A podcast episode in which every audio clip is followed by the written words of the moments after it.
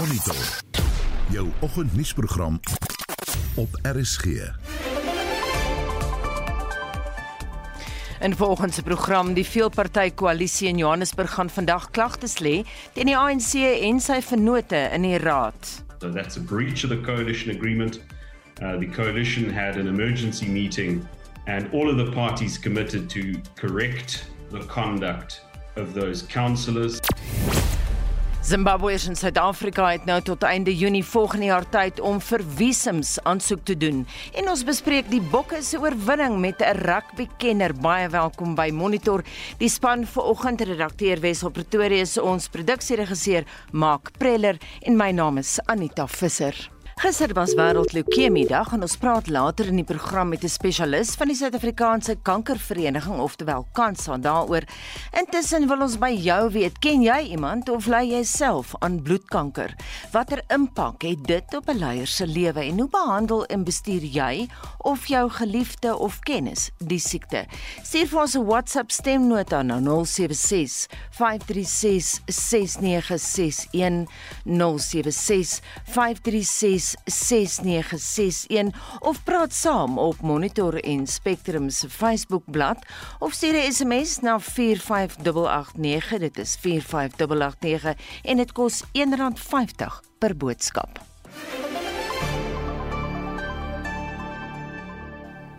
Gister was wêreld leukemie dag, 'n dag wat daarop gemik is om groter bewustheid te skep en die risiko's van die siekte te bestuur. Ons praat nou met professor Michael Herbs. Hy's 'n gesondheidsspesialis van die Kankervereniging van Suid-Afrika, oftewel Kansa. Goeiemôre Michael. Goeiemôre Anita. Lekker om weer met jou te gesels. Altyd lekker om met jou te gesels. Sê vir my, wat is leukemie? Ooh, dit is 'n baie belangrike siekte toestand en net voordat ons daaroor praat, Ek wil sê ek het die afgelope tyd nog nie met enige Afrikaanssprekende persoon oor leukemie of bloedkanker gepraat en laat die naam van Teens Jordaan nie genoem is nie, maar dit net gou daar gelaat.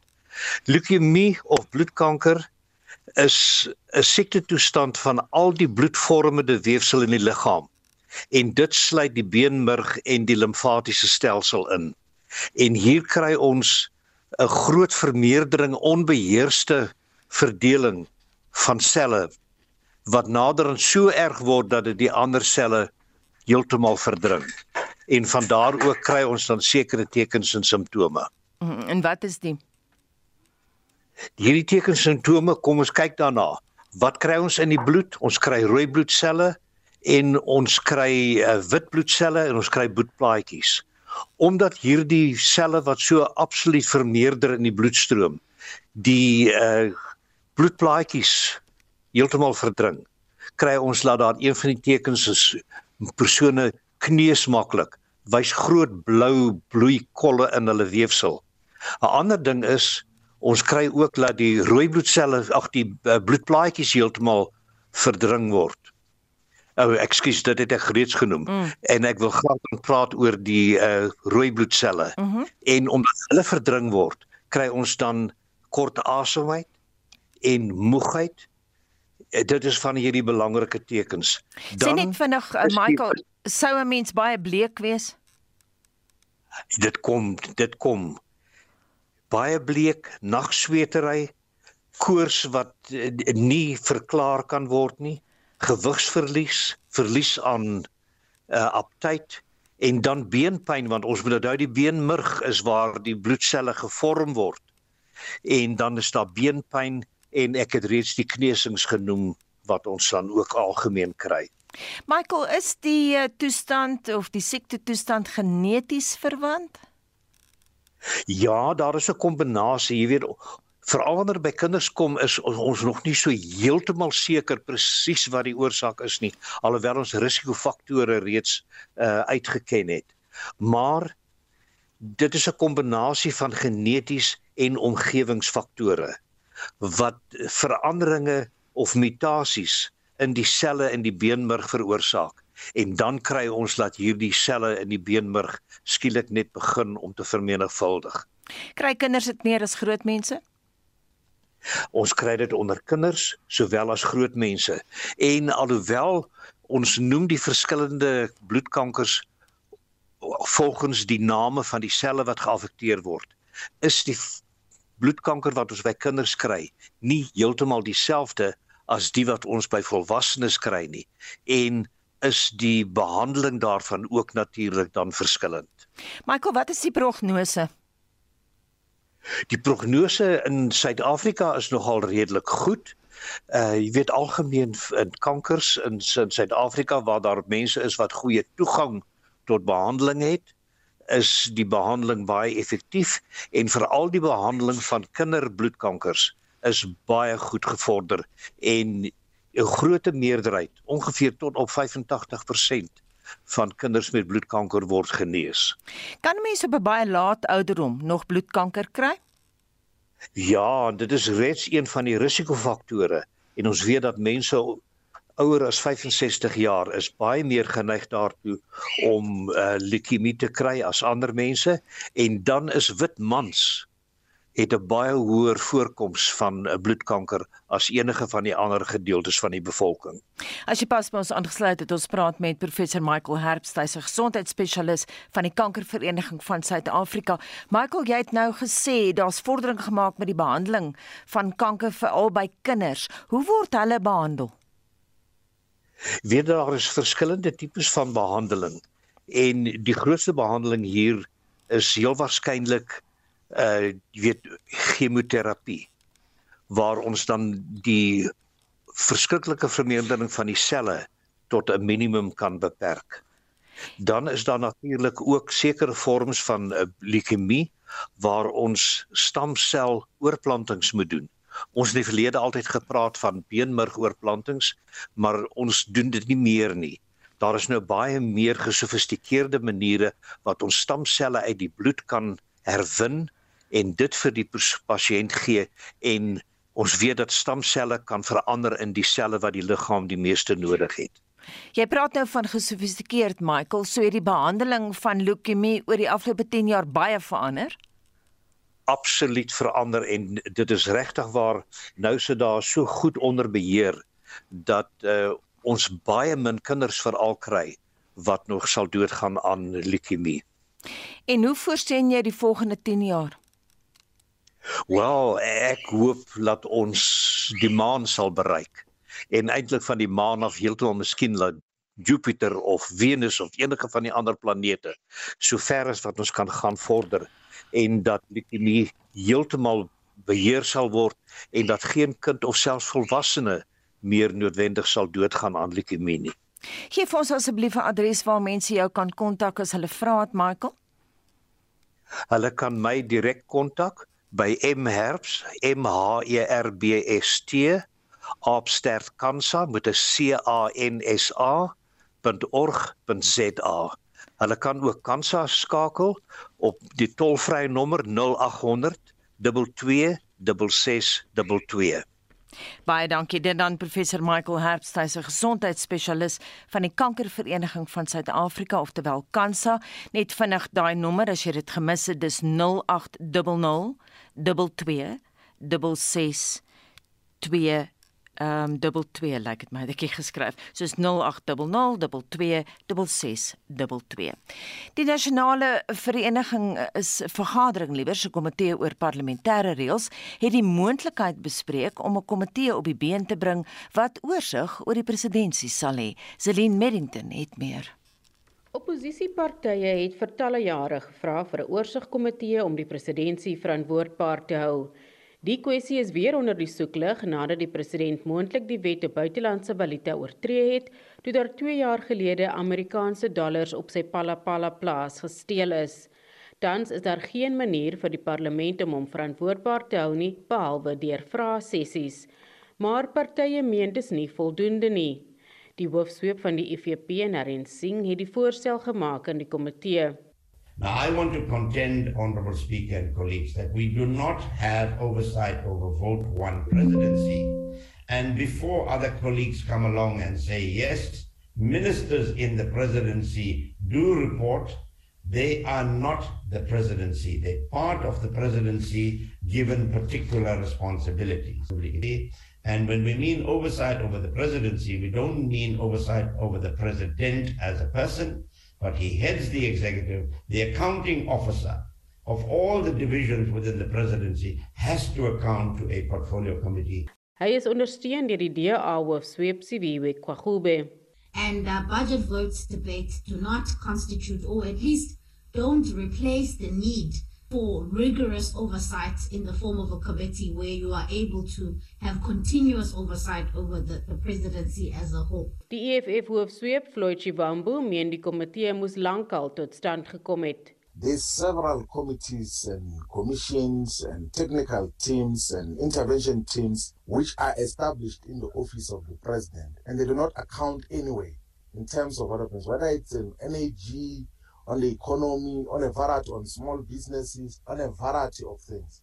So it's logical that we should establish a portfolio committee that oversees the work of the president on a constant basis, not just when he comes to give the budget vote of the presidency. 'n Lid van die ANC, Richard Jantjie, sê die regte prosedure moet gevolg word. I think the merits and uh, other issues that can be raised, I think will be well placed on the basis of a proper processing of uh, this uh, issue and we can engage further with it when it comes back. Die kwessie sal nou na die subreëls komitee verwys word.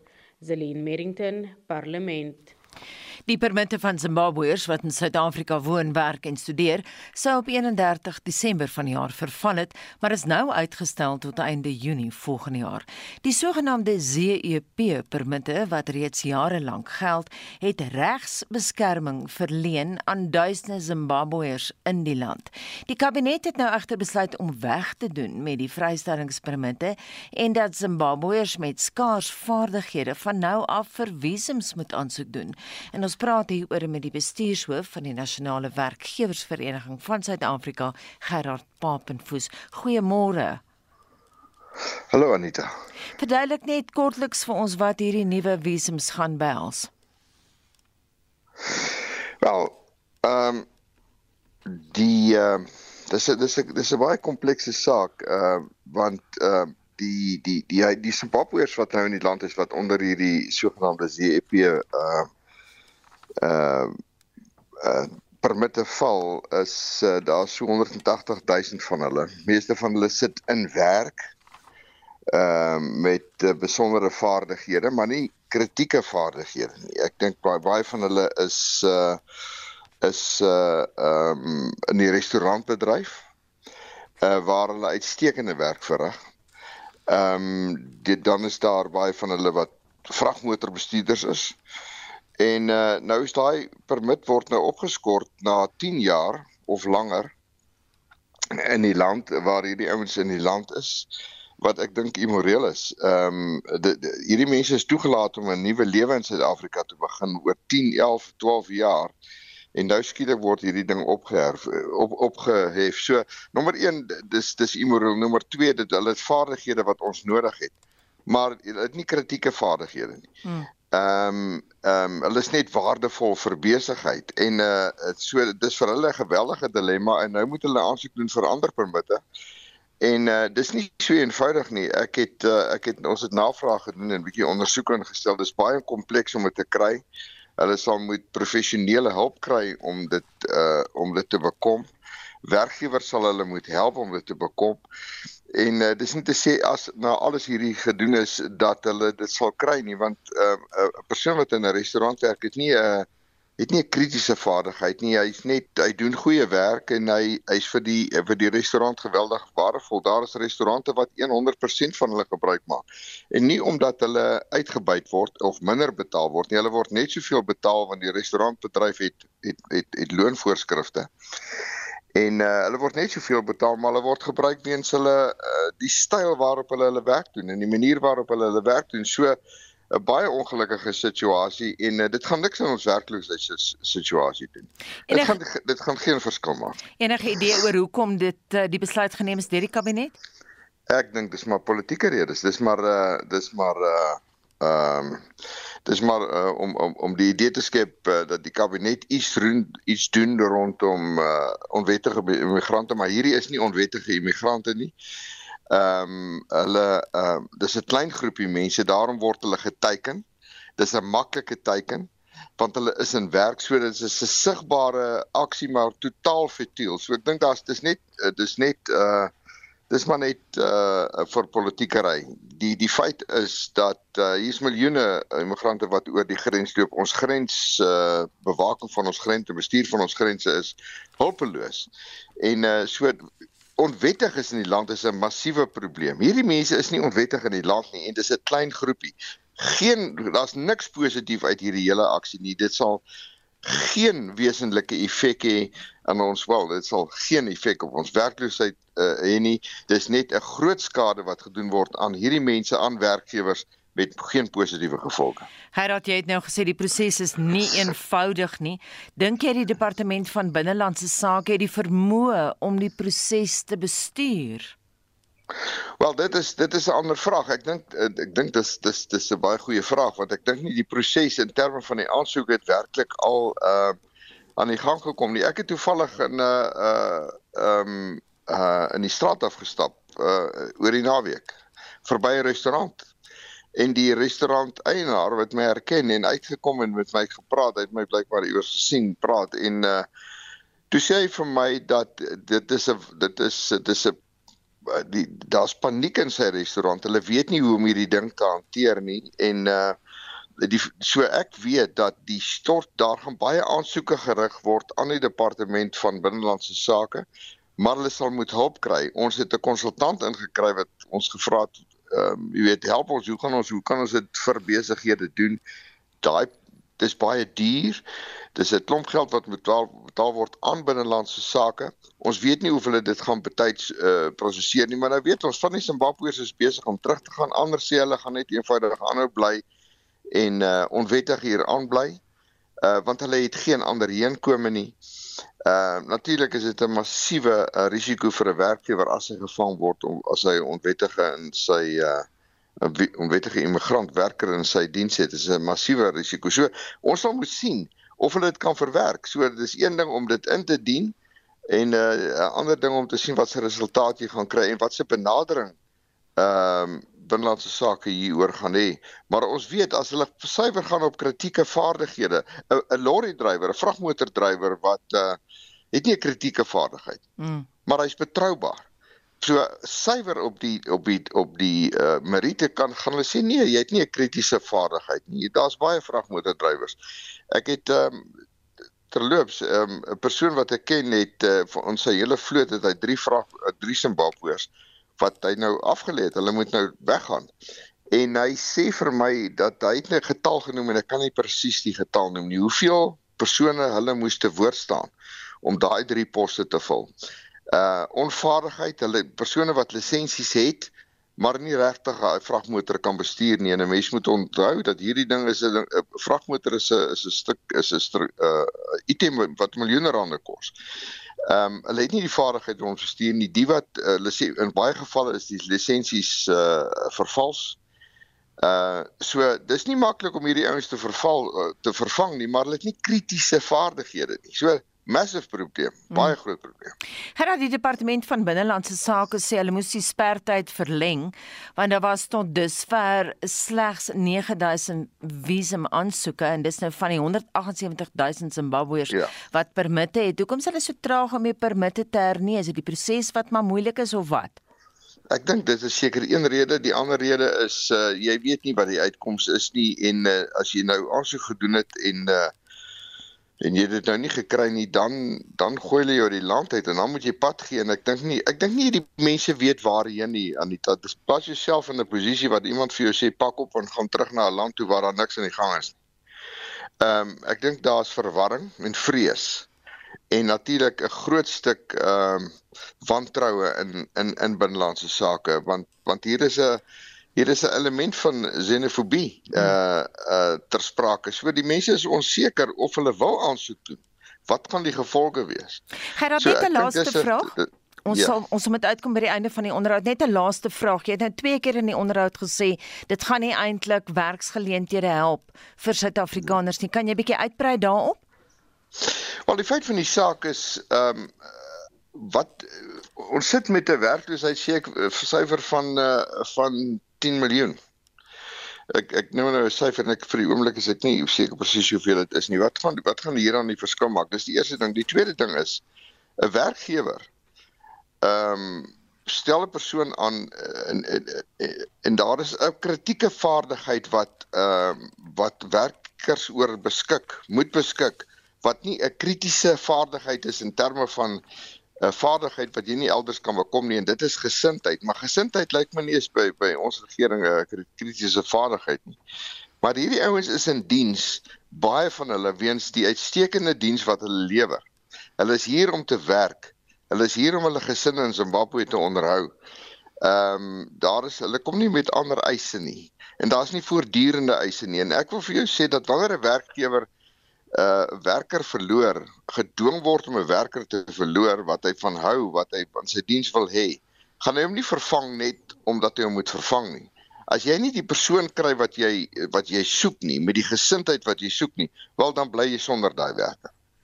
Baie dankie en so sê Gerard Papenfoos, hy is die bestuurshoof van die Nasionale Werkgewersvereniging van Suid-Afrika. Dis nou 631. Baie welkom by Monitor. My naam is Anita Visser en dis nou 6:40. Koalisieregerings is landwyd onstabiel. Na verskeie oorloopaksies in Johannesburg se metro is die toekoms van die burgemeester Mpo Palatsi nou in die weegsskaal, soos wat krake in die multipartytjie leierskap begin vorm. Verlede week is die spreker van die Nysna distriksmunisipaliteit uit die raad geskop toe die DA uitgestem is. En in Ekurhuleni word die DA se termyn bedreig deur die ANC en die EFF wat saamwerk. Mitsi van der Merwe het meer. In 2016 het die EFF hulle stem by die DA gevoeg om die ANC uit die regering van belangrike munisipaliteite soos Johannesburg en Nelson Mandela Bay te hou. In 2021 het die rooi pette weer teen die ANC gestem wat tot gevolg gehad het dat die DA al drie metro's in Gauteng ingepalem het. Maar in die politiek bly vyande nie noodwendig die vyand nie en die EFF en ANC wil nou saamwerk soos die EFF leier Julius Malema verduidelik. The ANC has now approached us in Gauteng. They want to have a discussion about uh, municipalities and uh, we welcome any form of engagement uh, with anyone as long as whatever engagement is based on improving the lives of our people. We're more than happy. Gauteng came, KZN came, we will listen to them. We are not going to have a problem. You can be rest assured any move we make will be based in the best interest of our people. Terwyl die DA nog sy wonde lek na sy spreker die trekpas gekry het, lyk dit of die burgemeester Dr Mpo Palatsi in sy spore sal volg. Maar die woordvoerder van die DA, Silje Brink, sê die jongste gebeure is in stryd met die koalisie ooreenkoms. It seems two ACDP councillors one IFP councillor and uh, a COPE councillor, in fact, supported the motion of no confidence. So that's a breach of the coalition agreement. Uh, the coalition had an emergency meeting uh, this morning, and all of the parties committed to correct the conduct uh, of those councillors. Aan die ander kant sê die ANC in Gauteng dat hulle met eenersdenkende saamwerk wat ingelig is oor hulle kiesers se lewensomstandighede die provinsiale partywoordvoerder Lesego Makubela. There are issues of interest that all of us agree on and those issues of interest bring us together. There is no formalized um, agreement, there are no coalition agreements. We are just still in the process of engaging each other, talking and finding this and trying to find out solutions on how we can best serve our people. We've been approached by other parties everywhere else and was speaking to them we humbled ourselves Intussen het die Independent Citizens Movement se raadslid Joe Mojapelo kragte met die ANC en EFF saamgespan. Maar sekere partylede is nie hiermee tevrede nie, sê 'n hooggeplaaste lid van die Independent Citizens Movement, Mabutu Nkosi.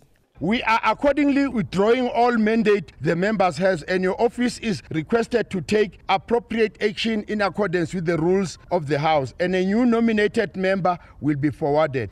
Die DA het onderneem om te veg om sy koalisieleiding te behou. Ntebu Mkobo het hierdie verslag saamgestel. Mitsi van der Merwe SAK nuus.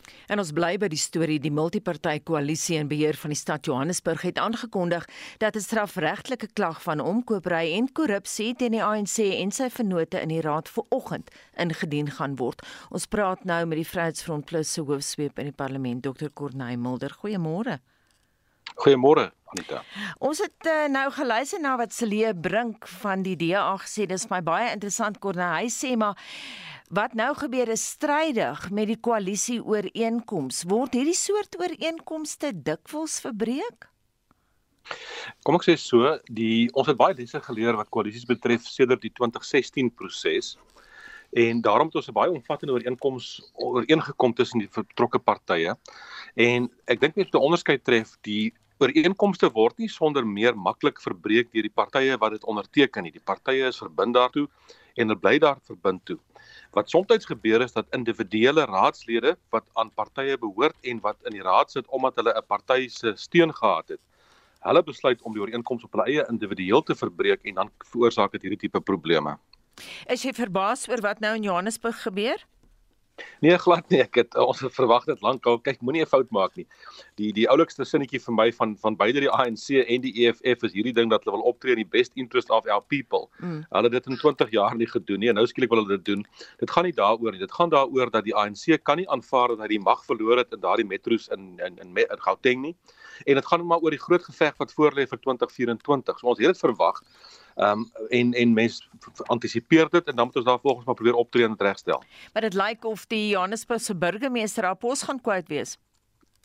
Nie noodwendig nie, ek dink nie so nie. Die koalisiepartye is steeds verbind tot die koalisie. Ons het 'n goeie vergadering gehad verlede donderdag na die gebeure en al die partye ter sprake is verbind tot die koalisie en tot die ooreenkoms. In van die partye en ons praat van uh, twee mense in die ACDP, een in Cope en een in die IFP, is individue wat uh, opgetree het op 'n sekere manier en nie in lyn was met die besluite van die koalisiegroepering nie en daarom word daar waarskynlik stappe geneem deur daardie partye, deur daardie individue. En die oomblik as ons die koalisie se meerderheid bestendig het, sal ons die situasie hanteer. Natuurlik gaan die ANC voort om te probeer om die koalisie tot 'n val te bring, maar ons uh, ons sal onsself verdedig. Nou ons weet almal dat in Europa, ek dink aan Israel, ek dink aan Duitsland, is koalisies absoluut niks snaaks nie. Trouwens, dis die manier van politiek uh, bedryf daar. Dink jy Suid-Afrika of Suid-Afrikaners is volwasse genoeg vir koalisiepolitiek? Ons is aan die begin van van die werklikheid van koalisiepolitiek en ek dink Suid-Afrikaners uh het nog ons leer nog baie rondom koalisies, maar ek moet eerlikwaar sê ek die gevoel wat ek kry is is dat die publiek en die kiesers daar buitekant is meer as gereed vir koalisies om die eenvoudige rede. Hulle verstaan nou en besef dat die enigste manier waarop jy die ANC kan en moet verslaan is deur middel van koalisies. Ons het dit ons het dit nou bewys in verskeie koalisies dat as partye bymekaar kom en saamwerk, kan jy die ANC die kussings uitlig en dit is dit is gedoen en ons werk daarna in 2024. Maar as jy na ons kiesstelsel gaan kyk, ons kiesstelsel van dag 1 af is gemaak eintlik vir koalisies met 'n proporsionele stelsel. Ons het 'n abnormale demokrasie gehad tot nou toe waar die regerende party die oorweldigende meerderheid gehad het. Ons kom aan die einde van daardie proses en daarom is koalisies nou die werklikheid wat op die tafel kom. Ons het nou gesê in ons inleiding van die vorige storie dat koalisie regerings is landwyd onstabiel. Daar was verskeie voorbeelde. Ons het verwys na Nysna, ons het verwys na die probleme in Ekurhuleni en natuurlik eh, in Johannesburg. Is daar vir jou tog 'n koalisie wat werk in die land? Een wat as voorbeeld voorgehou kan word dink ek Corneil?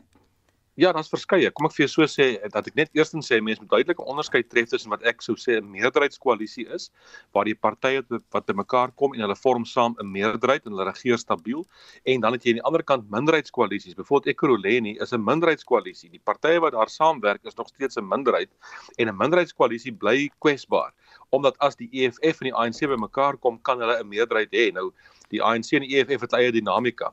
Daar is verskeie koalisies, kom ek noem vir jou in die Weskaap byvoorbeeld. En die ideaal is natuurlik as jy minder partye het wat in 'n koalisie bymekaar kom, is dit makliker om dit stabiel te hou.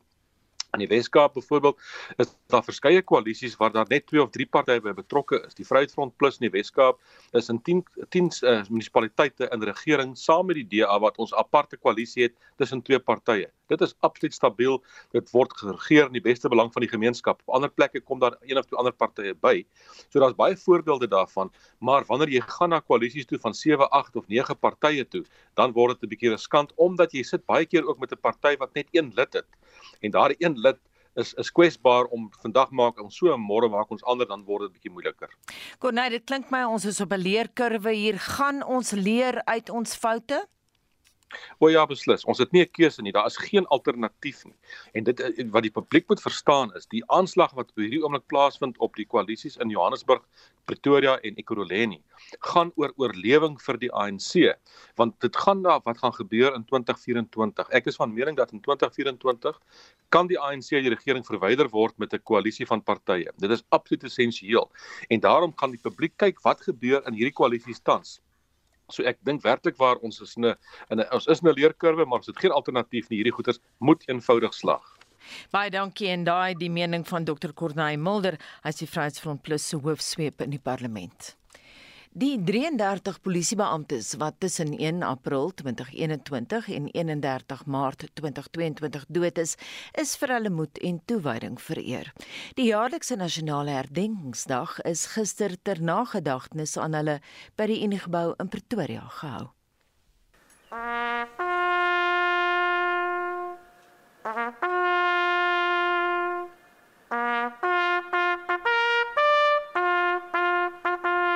'n somber en tog gepaste eer aan die gevalle manne en vroue in blou wat dood is in die stryd teen misdaad.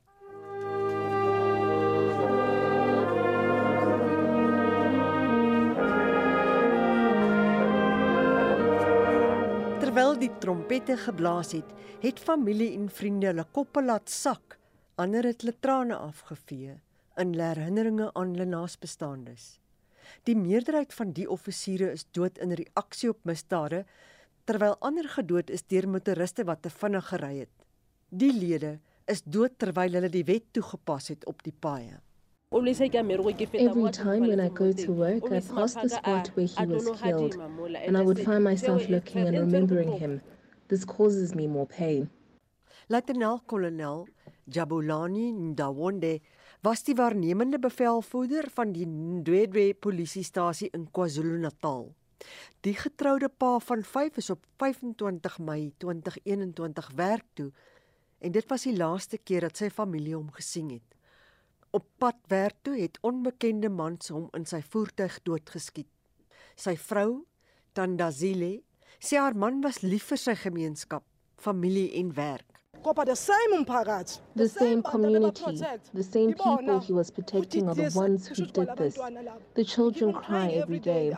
The other one has just graduated and cries daily, saying if daddy was here, I would not be sitting at home. He would have done something because he loved his children. Kaptein Pierre Marx van die K9 eenheid in Oos-London in die Oos-Kaap het uit sy pad gegaan om mense wat in riviere en damme verdrink het te soek. Januarie vanjaar is hy dood in die Nahoon rivier terwyl hy sy soek- en reddingsverpligtinge nagekom het. Sy liggaam is met 'n tou om sy voet verstrengel gekry. Sy vrou, Marklie Marx, ook 'n polisieoffisier, sê hy het ander mense se lewens belangriker as sy eie geag. He rescued somebody. He got tangled in a rope that was attached to trees and he sacrificed his life for somebody that he didn't know. And that is an honor. He was my husband, but he was also a colleague because we were both an organization. Yeah, we were blessed to have him in our lives. Die minister van polisie, Bekkie Cele, sê die 33 polisielede is dood omdat hulle Suid-Afrika veiliger wou maak. We come together to celebrate their dedication and their zeal as first line responders. The day has come to commend our fallen colleagues for staying true and committed to the mandate of the South African Police Service. To all guests, I trust that you will find today's arrangements and proceedings conducive to your personal comfort, healing and satisfaction. Bekkie Cele is die minister van polisie. Tsepo Pagani het hierdie verslag saamgestel. Mitsi van der Merwe SAK nuus. En nou rugby nuus na die Bokke se losing die vorige Saterdag teen die Wallabies, het hulle die Saterdag en naweek die bordjies verhang met 'n 24-8 oorwinning. En ons praat nou met die voormalige Springbok stut en die SAK sport se rugby ontleder Dr. Jannie Du Plessis. Goeiemôre. Goeiemôre luisteraars, goeiemôre Anita. Lyk vir my Jannie, die Bokke het sommer met die afskop soos 'n heel ander span gelyk, né? Nee? Wel, ehm um, maandag is 'n baie beter maandag. Dit is so, sommer nie eens 'n blou maandag as die Bokke so goed gespeel het nie. Nee. Absoluut, ja. Wie verdien spesiale vermelding volgens jou? Yes, Anita, ek dink die hele span, maar ehm um, ek dink onder omstandighede was Damian Willemse verskriklik goed geweest. Bro, hy het omtrent seker elke posisie vir die Springbokke gespeel hierdie jaar ehm um, en met 'n groot speler soos Andre Pollard wat ehm um, wat alwesig was die naweek, het Damian Willemse regtig waar ehm um, na vore getree en hy het hy het hom baie goed van sy taak gekwyt op 10. Ehm um, verder dink ek die hele pakket baie goed gedoen en uh, En ek wil ook sê Willie Leroux was het seker sy beste toets in in 'n baie lang ry vir die Springbokke gespeel. En nou moet 'n mens sê die emosies het by tye oorgekook. Skryf jy dit toe aan frustrasie en natuurlik die druk? So Anita, ek dink mens skryf dit toe aan een stukkie goeie toneelspel deur Nick White 'n week gelede. Waar ehm um, hy absoluut 'n strafskop gemelk het en ehm um, en ek dink ehm um, enige speler ehm um, sou sou met 'n bietjie meer oef gespeel het en sy moet 'n bietjie meer bietjie meer intensiteit gespeel het en die Springbokke het, het, het presies dit gedoen. Ehm um, ek bedoel ehm um, op 'n uh, uh, voormalige afrigter van die Springbokke Jack White het altyd gesê dit word 'n toetswedstryd genoem want dit dit toets jou op alle vlakke. En dit is wat die Springbokke besef het in die laaste twee toetse voor die naweek waar hulle die toets nie so goed geslaag het nie. Maar ek ek moet sê hierdie naweek het hulle hulle toets met vleiende vaandels geslaag. Enige foute wat jy dink gemaak is, enige foute waaruit ons nog kan leer?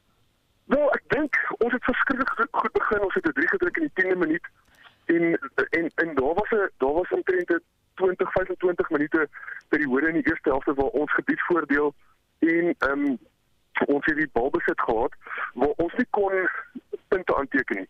Wat wat hulle definitief aanval wil werk want ehm um, indien hulle dit kon indien hulle kon punte aanteken uh, vir al daai druk wat hulle wat hulle uitgeoefen het, sou die telling dalk self verder gewees het as 24-8. So ek dink ek dink uit uit uit, uit hulle oogpunt uit behoort hulle daaraan te wil werk, maar nietemin, ek dink die Springbokke het baie baie goed gespeel en hulle was wel verdiende oorwinnaars hierdie naweek. Afrigter Ninaber het in die laaste 4 toetse 32 spelers gebruik met die oog op die Wêreldbeker toernooi volgende jaar in Frankryk. Is dit 'n wyse taktik dink jy Jannie? Ja, mens weet nou nie of hy of hy 32 spelers gebruik het met die oog op die wêreldbeker en, en of hy 32 spelers gebruik het omdat baie ouens beseer is nie. Dit dit sal 'n mens dit sal 'n mens nou nooit weet nie, maar dit is altyd goed om mense blootstelling te gee um, op toetsvlak, soos ek nou gesê het, 'n toetswedstryd toets jou op alle vlakke. So om te kyk is Damian Willem se goed genoeg is is speler X en speler Y goed genoeg om om op hierdie vlak te kompeteer en En ek dink hierdie naweek het hy baie baie antwoorde gekry op vrae wat wat wat wat ons dalk nie antwoorde gehad het voor die naweek nie. So ehm um, ja, ek dink ek dink ek dink hy het goed gedoen. Dis my interessant hoe die rugby kampioenskap wedstryde wipplank ry soos ons die afgelope 2 naweke gesien het met die All Blacks en die Pumas of hoe. Wel, dit dit, dit kan jy maar net wys wat ingesteldheid wat so groot effek dit het. Ehm um, ek wil die Springbokke het nie verlede naweek teen Australië swak gespeel nie, maar hulle intensiteit in kontak en hulle intensiteit op verdediging en hulle intensiteit in op alle vlakke was net soveel hoër en en dit het, het so groot verskil gemaak en en 'n mens kan dieselfde sê van Nieu-Seeland. Ek bedoel 'n week gelede is hulle ore aangesit deur 'n Argentynse span um, in Nieu-Seeland in Christchurch wat wat eintlik vir hulle 'n 'n domein is waar hulle waar hulle altyd nog gedomeineer het en dan 'n week later speel hulle eh, min of meer dieselfde wedstryd net met 'n baie baie baie hoër intensiteit en en dit het hulle ook gemaklik die wedstryd gewen. So ja, ek dink ek dink dit is maar net weer 'n les dat jy kan nie met die jy kan nie rugby speel op internasionale vlak as jou ingesteldheid nie reg is nie. Baie dankie en so sê Dr. Janie Du Plessis, hy is 'n voormalige Springbok stit en ook die SAIK sport se rugby ontleder. Gister was wêreld leukemie dag en ons praat daaroor uh, terugvoer van jou die luisteraar Ansie Solomon skryf op Facebook My seun is 22 jaar gelede toe hy 19 was met leukemie gediagnoseer. Dit was toe nie so maklik diagnoseerbaar nie. My kind is vir griep behandel en eers na die tweede reeks antibiotika is hy getoets. Hy is 4 maande nadat hy gediagnoseer is begrawe. En dan sê Ansie Solomon sterkte vir al diegene wat die stryd voer. Dis 'n uitmergelende pad. Die hitsmerk Jup word 'n hele paar keer gedeel en dit is na aanleiding van Julius Malema wat uitgevaar het teen die ALR van gesondheid in Limpopo se uitlatings oor buitelanders. En op 'n ligter noot op sosiale media word die hitsmerk um, Camilla gedeel na aanleiding van 'n foto van 'n lagende prins Charles, sy vrou Camilla en prinses Anne by die jaarlikse Bruimer byeenkoms byeenkoms in Skotland wat gewoonlik deur 'n koningin Elisabeth II self bygewoon word, maar sy kon dit weens gesondheidsredes nie vanjaar bywoon nie. Daar's woord aan ST vanoggend onthou vorige uitsendings van al ons programme is op RC se webblad as 'n potgooi beskikbaar. Die span groet namens ons uitvoerende regisseur Nicoline de Wee, die man in die warm stoel vanoggend Wessel Pretorius en ons produksieregisseur Mark Preller. My naam is Anita Visser.